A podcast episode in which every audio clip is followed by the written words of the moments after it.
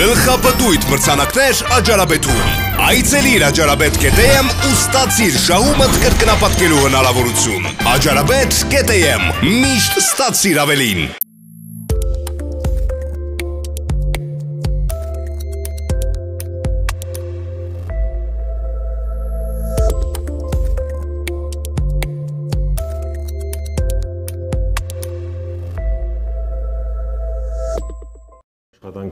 եթերում եւ վերջին մի քանի օրվա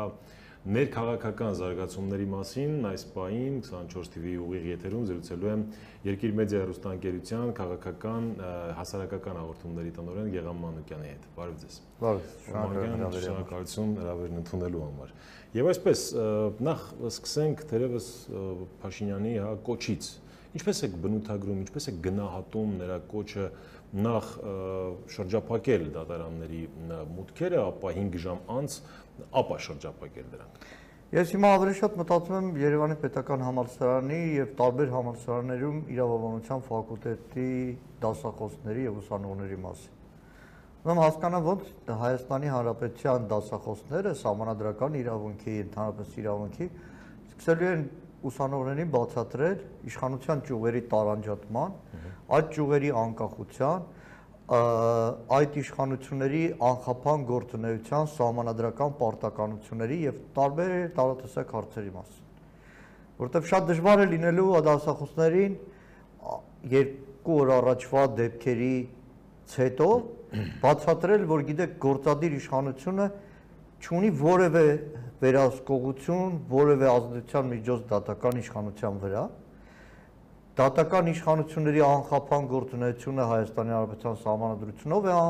ամրագրված եւ դրա համար պարտավորություն ունեն երկրի նախագահ,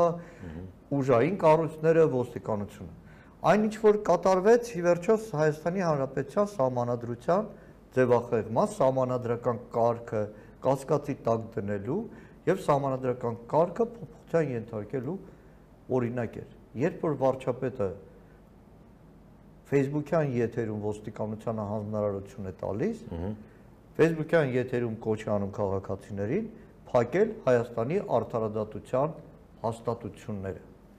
Հասարակությունում կարող են լինել շատ-շատ մոտեցումներ, տեսակետներ, անվստահություն դատական իշխանության նկատմամբ։ Բայց դատական իշխանությունը Հայաստանի Հանրապետությունում գործում է, հանուն Հայաստանի Հանրապետության վճիռներ են արձակվում, վճիռներ են արձակվել եւ այս իրավիճակում իշխանության միջուղը փորձում է տապալել կամ պարալիզացնել մեկ այլ իշխանություն։ Շատ բարի։ Համաձայն եք, եթե չկա անկախ դատական կամ կայացած անկախ լավ էս դեպքում դատական համակարգ չկա ժողովրդավարություն։ Համաձայն եք թե դա աքսիոմա է։ Ահա Հետևաբար, եթե օրենսդիրն ու գործադիրը, ավարտեմ հարցը, պարոն Մանուկյան, հասկանալի է, հա, ինչպես է ձևավորվում ընտրություններ, հետո գործադիրի առավելագույն ստացած կվեներ եւ այլն եւ այլն, ո՞նց եք պատկերացնում դատա իրավական համակարգի ռեֆորմը, դրա անկախացումը։ Գիտեք, տարբեր երկրներում տարբեր մոտեցումներ են։ Միացյալ Նահանգներում դատավորը ուղղակի ընտրությամբ է կատարվում։ Մեր մասին է խոսքը։ Մենք հեղափոխական գործիքակազմով ունեցանք նոր իշխանություն։ Այդ հեղափոխական գործիքակազմով պետություն չեն ղեկավարում, երկիր չեն ղեկավարում։ Հեղափոխական գործիքակազմով 17 թվականին բոլշևիկներն են ղեկավարում, որ կաշվե բաճկոններ հակած օրիորդներ ու երիտասարդներ բանվորագյուղացիական բանակ անունով մտնում էին ամբողջ ռուսական մտավորականությանն էին վերացնում, երկրից լարում, կուլակաթափ անում, սա անում, սա անում։ Դրա համար կա Հայաստանի Հանրապետության սահմանադրություն, գործում է սահմանադրություն։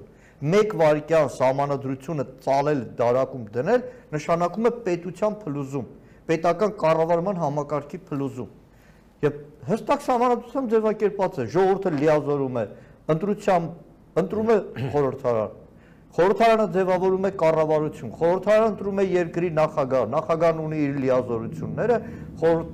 եւ նշանակում են դատավորներ համաձայն այն բոլոր ընտրացակարգերի, որը օրենք է, որը օրենք է, որևէ մեկի քինքով չի կարող որոշվել այս դատավորը լավն է կամ այս դատավորը վատն է։ Երբ որ ասում են դատական համակարգը կոռուպացված է, այո, բազմաթիվ դեպքեր կան։ Տարիներ շարունակ դատավորներ են ձերբակալվել, տարիներ շարունակ դատավորների նկատմամբ դատական վճիռներ են արձակվել, որևէ մեկը չի թաքցնում։ Այո, դատական իշխանությունը Հայաստանում թերացել է անկախ լինելու, շատ հաճախ ենթարկվել է իշխանություններին, այո, եղել է եղել է եւ դրա մասին խոսվել է, միշտ ասվել է, որ սա պետք է փոխվի, հիմա էլ պետք է փոխվի, բայց այս process-ում փակել դռներն ասել դուք գնացեք, հետո կգաք մի ինչ որ հանձնաժողովի առաջ, սկսեք հաշվետվություն տալ, ով է այդ հանձնաժողովը։ Ով է այդ հանձնաժողովը։ Պետրոս ու Պողոս առաքյալներին են բերելու նստեցնեն, որ նրանք էլ որոշեն այս դատավորը մաքուր է, այս դատավորը մաքուր չէ։ Դա քննարկման հարց է, դա դեռ Երբ որ չկա հայեցակարգ, երբ որ չկա հստակ օրենսդրական հիմնավորում, Facebook-ով ժողովրդին առաջնորդել դատական կառույցները արգելափակելու, լավ պատկերացրեք Գերեկ Նիկոլ Փաշինյանը ժամը 1:30 կոչ արեց բոլորին ազատել դատարանների մուտքերը։ Երկու-երեք խումբ էլ որոշեց, որ չէ, այս դատավոր դատարանի ես չեմ վստահում։ Երկու-երեք դատարաններ չգործեր, շարունակեր չգործեր։ Հիմա այդ մարդիկ իրավունք ունեին, չէ՞։ Դրանից 1 ժամ առաջ նույն քաղաքացիները փակում էին դատարանները։ Այլ հարց է, որ փոքրաթիվ խմբերով, այլ հարց է, որ նայեք, դե այդ մարդիկ էին կրելու արդեն պատասխան։ Շատ կարևոր մի դրվագ կա։ Նիկոլ Փաշինյանի լայվից հետո բազմաթիվ իմ քայլի падգամավորներ, որտեղ այնպես չի որ բոլորն էլ ազատ են, քծնանքը հիմա էլ խիճ ներկայացնում է մեր երկրում։ Բազմաթիվ падգամավորներ Facebook-ում սկսեցին հայտարարություններ տալ մեկը դասախոս հայտարարեց վաղը գործադուլ ենք անում, մասնակցում ենք դատարանների արգելափակման 1 2 3 Երևի մի խելացի մարդ ի վերջո նրանց մեջ եղել ասել է ժողովուրդ, օրեսդեի մարմնի անդամը չի կարող դատարանը արգելափակելու ակցիայի մասնակցել։ Մանուկյան, իրենց քաղաքական առաջնորդին չսատարեն։ Դուք չեք սատարում ձեր քաղաքական առաջնորդին։ Սահմանադրության վրա քայլելով, սահմանադրության վրա քայլելով եւ այստեղ կա եւս մի դրվագ Հայաստանի Հանրապետության նախագահ արտասահմանում լինելը որևէ հիմնավորման չի դիման, որևէ քննադատության չի դիմանում Հայաստանի Հանրապետության նախագահ այս նախագահ է որ պաշտպանի սահմանադրությունը այլ ոչ թե ընդհանուր բարին ընձես խաղաղության հերվից կոչերանի Հայաստանի Հանրապետության նախագահ հենց այդ բոլոր ճյուղերի ավելի սրեր իրավիճակը խաղաղը սրերը ո՞րն է? սահմանադրությունը ոտի տալուց այն կողմ ավելի սրելը ո՞րն է? Ո՞րն է սրելը? Այսինքն ինչ պիտի աներ, ինչ կոչով։ Հայաստանը ապա դուրս եկեք հակընդդեմ ցույցեր արեք, պարոն Մարկան, ինչ պիտի ասեր։ Մի օրվա մեջ արդեն եվրոպական երկու կառույց Ի տարբերություն Հայաստանության նախագահի երկու կառույց པարզ սերով սպիտակի վրա գրել է չի կարող քաղաքական գործընթացները, քաղաքական գործիչները միջամտել դատական համակարգի մեջ։ Այլ հարց նորից եմ կրկնում։ Նրանք ողջունել են բովանդակությունը, ձևը ոչ։ Եկեք բովանդակությունը դատական ներողություն արտակյան դատական բարեփոխումը նպատակ է, որին չի կարող որևէ մեկը չողջունել որին որևէ մեկը չի կարող ողջունել, բայց այն, ինչ որ կատարվեց երկուշաբթի օրը, համանadrական բոլոր նորմերը մի կողմ դնել էր մի կողմ դնել էր դրա համար նույն падգամորները փոխեցին իրենց խոսքը ձևակերպեցին ընտրողների հետ հանդիպում օրինակ Սևանի դատարանի արչև տեսան երկու падգամավոր իմ քայլից 6 հոգի քաղաքացի Նրանց ընտրողները 6-ն են, որ հանդիպում էին։ Երկու падգամավորով խորհրդարանական ընտրություններին 26000 քվ են ստացել։ 26000 մարդեր քվեարկել։ Ուրեր էին այդ ընտրողները, որոնց այդ երկու падգամավոր հանդիպում էին։ Այդ մարդկանց քանակը ցուցիչ էր, շատ աշահարկվում էս հարցը։ Չեմ ուզենա չարախնդալ, այստեղ մի քանի շերտ կա։ Որոշները գիտակցում էին, որ ինչ չպետք է անել։ Որոշները առօրյա կյանքի այս մարդիկ ասում են՝ լավ, Մենք մայիս ամսին ելել ենք փողոց, փակել ենք փողոցները, հանրապետության հրապարակը ծայրի ծայր լցրել ենք, հաղթել ենք, իշխանություններին հերացրել ենք, ձևավորվել է նոր իշխանություն։ Վարչապետը կոչ է արել հավաքվել ազգային ժողովի մոտ, հավաքվել ենք, թեև հոկտեմբերի 2-ը շատ էլ կասկածահարույց հավաքել։ Եկել է ավական Երևանի ավական ընտրություն, կոչ է կարել 80 քանի տոկոսով քվեարկել եք։ Եղել է խորհրդարանական քվեարկել, քվեարկել ենք, տվել ենք անվերապահ իշխանություն, տվել ենք վստահության քվե։ Բան արեք, գործ արեք։ Իշխանությունը մինչև հիմա շարունակում է ընդդիմության հոգեբանությամբ ցույց անել։ Ժողովուրդը մեծ մասը այլևս ասում է լավ, ես գնում եմ իմ գործին, իմ երեխաներին դպրոց եմ տանում անկապարտեզ, դուք գործ արեք, լրջացեք, լրջացեք, ոչ թե առավոտվան գիշեր Facebook-ներով գրելով, լայվերով շարունակեք խոստումներ եւ կեղծ վտանգավոր ամեն օր մի թշնամու կերպար ստեղծեք երկրում։ Այսպես տարվա ընթացքում իսկապես հնարավոր էր սահմանադրական ճանապարհով հասնել դատա իրավական համակարգի բարեփոխման գոնե հիմնադրման, այսպես ասենք։ Նայեք, իրականում Իրականում, պարոն Մանուկյան, հնարավոր է թե ոչ։ Իրականում հիմա էլ հիմնավոր օրենսդրական փոփոխությունների փաթեթի մասին չի, որ պատկերացում ունեն նրանք։ Գեն ամբողջ խնդիրը դատավորի ունեցվածքը, դատավորի մասնագիտական կարողությունը։ Եթե կա շարակերա դատավորը ինչ անենք։ Լավ, դրա համար չի դուք եք։ Դրա համար 1 տարի շարունակ Հայաստանի Հանրապետության իրավապահ համակարգը գտնվել է Հայաստանի վարչապետի ենթակայության տակ։ Ազգային անվտանգության ծառայություն,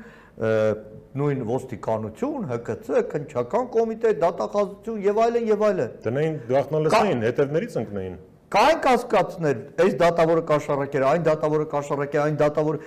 ամեն օր, այսինքն 1 տարի շարունակ մենք լսում ենք միայն օթի մեջ արտահայտություններ նախկին իշխանությունների հետ փող կապակցված կոռուպացված դատավորներ նախկին իշխանությունները թելադրում են չէ այսինքն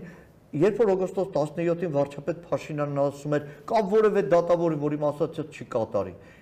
Դրանից հետո այդ ո՞նց է որ այդ դատավորները ըստ ման վարչապետի շատ հաճախ նախկին իշխանությունների ասածներ են կատարում։ Նախկին իշխանությունները չկան, չկան, գնացել են տուն, նախկին իշխանությունները դարձրել են արդեն ամեն Նախկին իշխանությունների նշանակած մարտիկ են, պարոն Մանուկյան։ Այդ համակարգը ով է ստեղծել։ Հիմա դատա իրավական համակարգը Աստող մեկ տարվա ընթացքում Աստող մեկ տարվա ընթացքում Հայաստան գիտեք քանի դատավոր է նշանակվել։ Հիմա էլ համանadrական դատարանի դատավոր պետք է նշանակել Բայց այստեղ էլ նախագահի լիազորությունն է առաջադրել է։ Չի նշանակվում ոչ մի կերպ։ Չի նշանակվում, որտեվ իմ քայլը որոշել է, ես ունեմ 1 վստահելի դատավոր, այլ ուրիշ դատավոր չունեմ։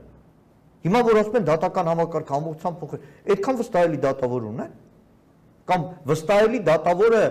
քաղաքական ուժի համար ինչ է նշանակում փող կապակցված է իրենց հետ թե ազնիվ դատավորի հանգամանք պետք է ունենա, ազնիվ քաղաքացու հանգամանք պետք է ունենա, որ դատավոր նշանակվի առաջին ատյան տնտեսական կամ քրեական գործերով կամ սահմանադրական դատարան առաջադրվի։ Սա դա ընդհանրի ձգձգումը դուք կապում եք բացառապես քաղաքական ամբիցիաների հետ։ Քաղաքական կամակորությանն է, ունեցել, ունեն տեխնացու, այդ տեխնացուն պետք է ընտրվի։ Կամ մերը կամ ոչ ոք։ Տեսնենք առաջիկայում մեկ մյուս քրեական։ Ինչու հիմա Փաշինյանը գնաց նման հեղափոխական քայլի։ Տեսեք, վստահ եմ, որ առնվազն հաշվարկել էին սրա հակասահմանադրական հետևանքները, հա։ Եթե նայում ենք հարցի մյուս կողմից, եթե գիտակցված է գնում այդ քայլին, ապա օգնեք ինձ հասկանալ, ինչու։ Այ ես սկսել եմ վախենալ, որ այսինքն մի քիչ շատ եք լրջացնում, որ հաշվարկել էին այս շահը։ Այսինքն հաշվարկելու համար առնվազն լրագրող է պետք լինել։ Վերջի շրջանում շատ-շատ օրինակներ կան, որ առանց հաշվարկի ոդքի վրա կարող են որոշումներ կայացնել, հետո մնալ այդ որոշումների տակ։ Սկսած օրենսդիր մարմնով։ Սա այդ դեպքն է։ Տեսեք, երեկվա ելույթում նման չհաշվարկված բազմաթիվ հայտարարություններ հնչեցին վարչապետի կողմից։ Չգիտեմ թե ինչի վարչապետը Կիրակի օրով ոչ աշխատանքային օրով այս անգամ գիրք չէր կարդում, այլ որոշեց օրվա երկրորդ կեսին դատական հեղափոխություն ունեցնի, բայց որքան հայտնի ենք հեղափոխության երկրորդ փուլը տնտեսական հեղափոխությունն էր։ Հոկտեմբերի 2-ին ասում էին ազգային ժողովը պետք է ծրվի նոր ընտրություն դեկտեմբերին լինի, որ տնտեսական հեղափոխություն լինի, Հայաստանում ներդրումներ լինեն, ամեն ինչը պայմանավորում էին խորհրդարական խորհրդարանական ընտրություններով։ Մենք եղան ընտրությունները, ներդրողները կվազեն։ Անցել է այսքան ամիս, ներդրողները վազել են։ Խնդրում եմ մենակ չասեն թե այս արտադրամասը կամ այն արտադրամասն են բացել արտադրամասերը ինքնաբերաբար Հայաստանում ով է լինել ղեկավարություն բացել։ Ծրագրերը կան, բայց դե դրանք են ըստ էության։ Կա այդ ներդրումների հոսքը։ Տնտեսական հեղափոխությունը ի վերջո ինչով սահմանափակվեց։ Սահմանափակվեց խելոք աշխատեք, լավ աշխատեք, լավ կրթություն ստացեք, IT-շնիկ դարձեք, որ աշխատեք։ Հակառակ դեպքում լավ չեք աշխատի։ Եղավ տնտեսական հեղափոխություն, չէ, բայց իշխանությունը տված իր խոստումներով մեկ տարվա ամեն անգամ անլրջացած ոչ լուրջ քաղաքականությամբ ամեն անգամ տեսնում է որ մարդիկ հարցադրումներ են առաջ բերում եւ ամեն անգամ պետք է նոր մի նոր մի պայքարի դաշտ ամեն անգամ նոր թիրախ է պետք նախկինները սևերը սպիտակները դավաճանները դավադիրները այլևս մեղք է հասարակությունը այսքան թույն մարդ հակադրություն որ կա մեր հասարակության մեջ սոցիալական ցանցերից առօրյա կյանքում է դա առօրյա կյանքում է դա Երկու հոգի բավական են։ Դուրը չեկա որևէ բան, մենք փողոց ենք փակում, վարժ ենք, ասել են։ Նույն այս դատավորների հետ կապված։ Շենգավիթի դատավորներից է Դավիթ Բալայան։ Հայաստանի Հանրապետության, հանուն Հայաստանի Հանրապետության վճիռ կարդացող դատավորը։ Իդեպ Հայաստանի լավագույն դատավորներից մեկը իմ ասածը չի փաստաբաններից սկսած իրավական ոլորտի մասնագետների, որ բազմաթիվ դատավճիռներով մերժել է մեղադրող կողմի մեղադրանքները տարբեր հարցերով։ Դատավորը դատարանի առաջ բռնության է ենթարկում քաղաքացու կողմից, ոստիկանը պաշտպանում է քաղաքացու, դատավորը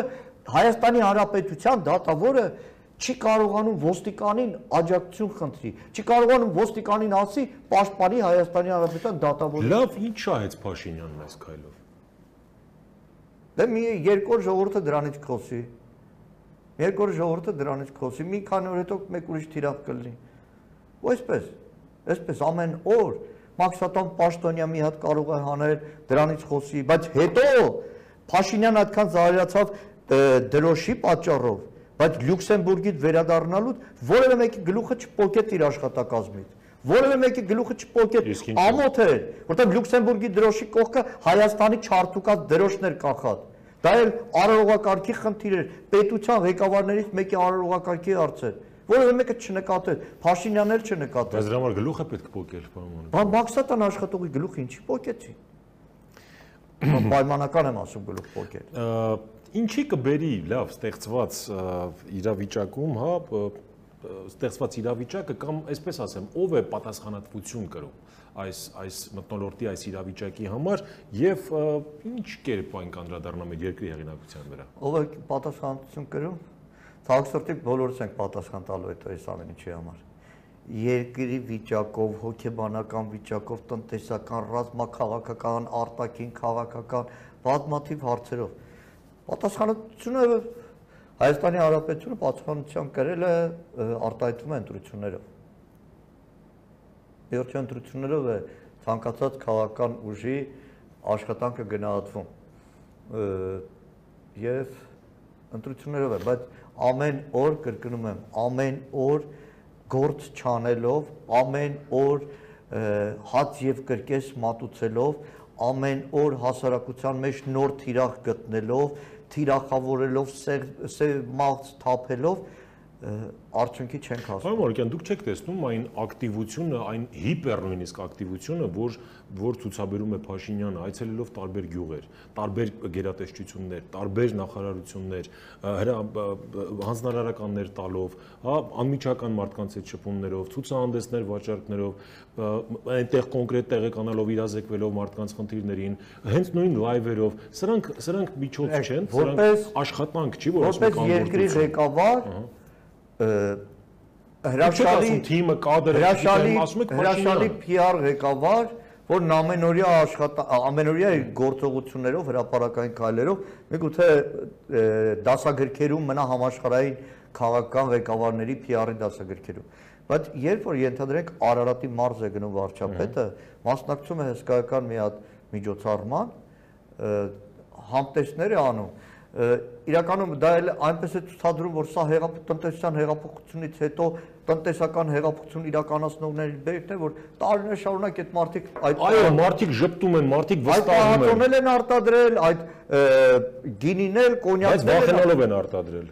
Հիմա չվախենալով են արտադրում, Չեք տեսնում։ բայց արդյունքը մնում է արդյունք։ Արդյունքը մնում է արդյունք, արտանման պակասը մնում է արտանման պակաս, շատերի վախը մնում է շատերի վախ, վաղվա բերքահավաքի վտանգի տակ դնելը մնում է վտանգի տակ, արդյունքը մնում է դա։ Ղեկավարը ղեկավարի աշխատանքի արդյունավետությունը ոչ թե քանի ժամ է աշխատում, քանի տեղ եղավ, այլ համակարգ ղեկավարելն է։ Թե ղեկավարը պետք է այս գյուղի խնդրեմ լուծի, այն գյուղի խնդրեմ լուծի։ Դրա համար ինքը ունի լիազորված մարդ այնտեղ, ունի մարզպետ, ունի տեղական ինքնակառավարման մարմիններ, եւ ոչ թե Սանասարյան Դավիթին առատվանից գիշեր իր գործերը թողած վազացնի այս գյուղի գյուղապետի հարց լուծի, այն գյուղի գյուղապետի հարց լուծի։ Իդեպ, սա եւս պետք է նշենք, որ Ռոբերտ Քոչյանի եւ մյուս 3 նախկին պաշտոնյաների մասով գործի վարույթը կասեցվել եւ ուղարկվել է համանadrական դատարան։ Ասացեք, խնդրեմ, սա ինչ էր դատական համակարգի պատասխանը Փաշինյանին։ Չեմ կարծում։ Չեմ կարծում ես որքան որ ծանոթացա նյութերի, համանadrական դեք դատավարական process-ը շատ նոր process է։ ցավոք սրտի նույնիսկ Ռոբերտ Քոչարյանի անցնող 1 շաբաթվա դատաքննությունը իմ գործընկերներից շատերի աշխատանքը որ տեսա ցավոք սրտի դատաքննության վրա չէր ուշադրությունը եւ ուշադրությունը ամբողջությամբ կենտրոնացած էր փողոցում երկու ճամբարների իրար վրա գոռալով, հայերելով կամ ով ինչքանով է եկել այդտեղ միտինգ անելու։ Դա չէր այլևս դատաքննության կարևորությունը։ Կարևորը դատական process-ն է։ Եվ Դրա համար է որ նաև մեր լրագրողական ընկերակցությունը պետք է խորամուխ լինի։ Կա վիճելի հոդված, որով մեղադրանքի առաջադրվել ըստ փաստաբանների, դատարանը իր վրա չի ուզում վերցնի այդ պատասխանատվությունը, հա, հիմք ընդունելով նաև համանadrական դատարանի նախորդ որոշումը, եւ դրա համար այս հարցով համանadrական դատարանը վերջնականապես հստակեցնելու է համանadrական կետը թե ոչ, որից հետո շարունակվելու է դատական process-ը, որից հետո շարունակվելու է դատական process-ը։ Եկին սա մի տեսակետն է։ Հիմա մյուս կողմը մարտի 1-ի զոհերի ներկայացուցիչը պնդում է, որ դատարանը սխալ է վարվել առանց հարցը քննարկելու, առանց երկու տեսակետները առնելու իրավունք չուներ ուղարկելու։ Դատախազությունը ընդհանրապես գտնում է, որ Քոչարյանի խափանման միջոց փոխել է արդարացի չէր դրա համար ինքնաբացարկի միջնորդություն է ներկայացրել դատական դատարան, այսինքն դատաքննական Դուք առարկայական վերլուծեցիք, եթե ավելի մեծ, ավելի համակարգային նայենք, պատասխան էր թե ոչ։ Նայեք, որովհետև դատը հենց դա է։ Փողոցում 100 կամ 200 հոգով դատարան դատական նիշ չեն անում։ Այդ դատավճռի օրը Քոչարյանի մեկը սոցիալական ցանցերում կատակել է։ Նա դատավորի գործը շատ հեշտ է։ Պատուհանից նայելու է, Տեսնի Քոչարյանի կողմնակիցների թիվն է շատ, թե Քոչարյանի ազատ արձակման դեմ հանդես է կողմների, ով ավելի բարձր է գոռում, ըստ այդմ էլ որոշում կայացնի։ Դա չի դատական process-ը, դատական process-ը ներսն է։ Պաշտպանական կողմ, մեղադրող կողմ, միջնորդություն, օրենք։ Մի հարցելու գնում ենք դեպի վերջաբան, հա, Քոչարյանը կարող է ընդդիմադիր քաղաքական բևեր, բևերի առանցք դառնալ։ Հայաստանի Հանրապետությունում քաղաքական բևեր կարող է լինել միայն հայեղափոխական դաշնակցությունը։ Միայն հայեղափոխական դաշնակցությունը, որպես ազգային քաղաքական սոցիալիստական գաղափարական ուժ։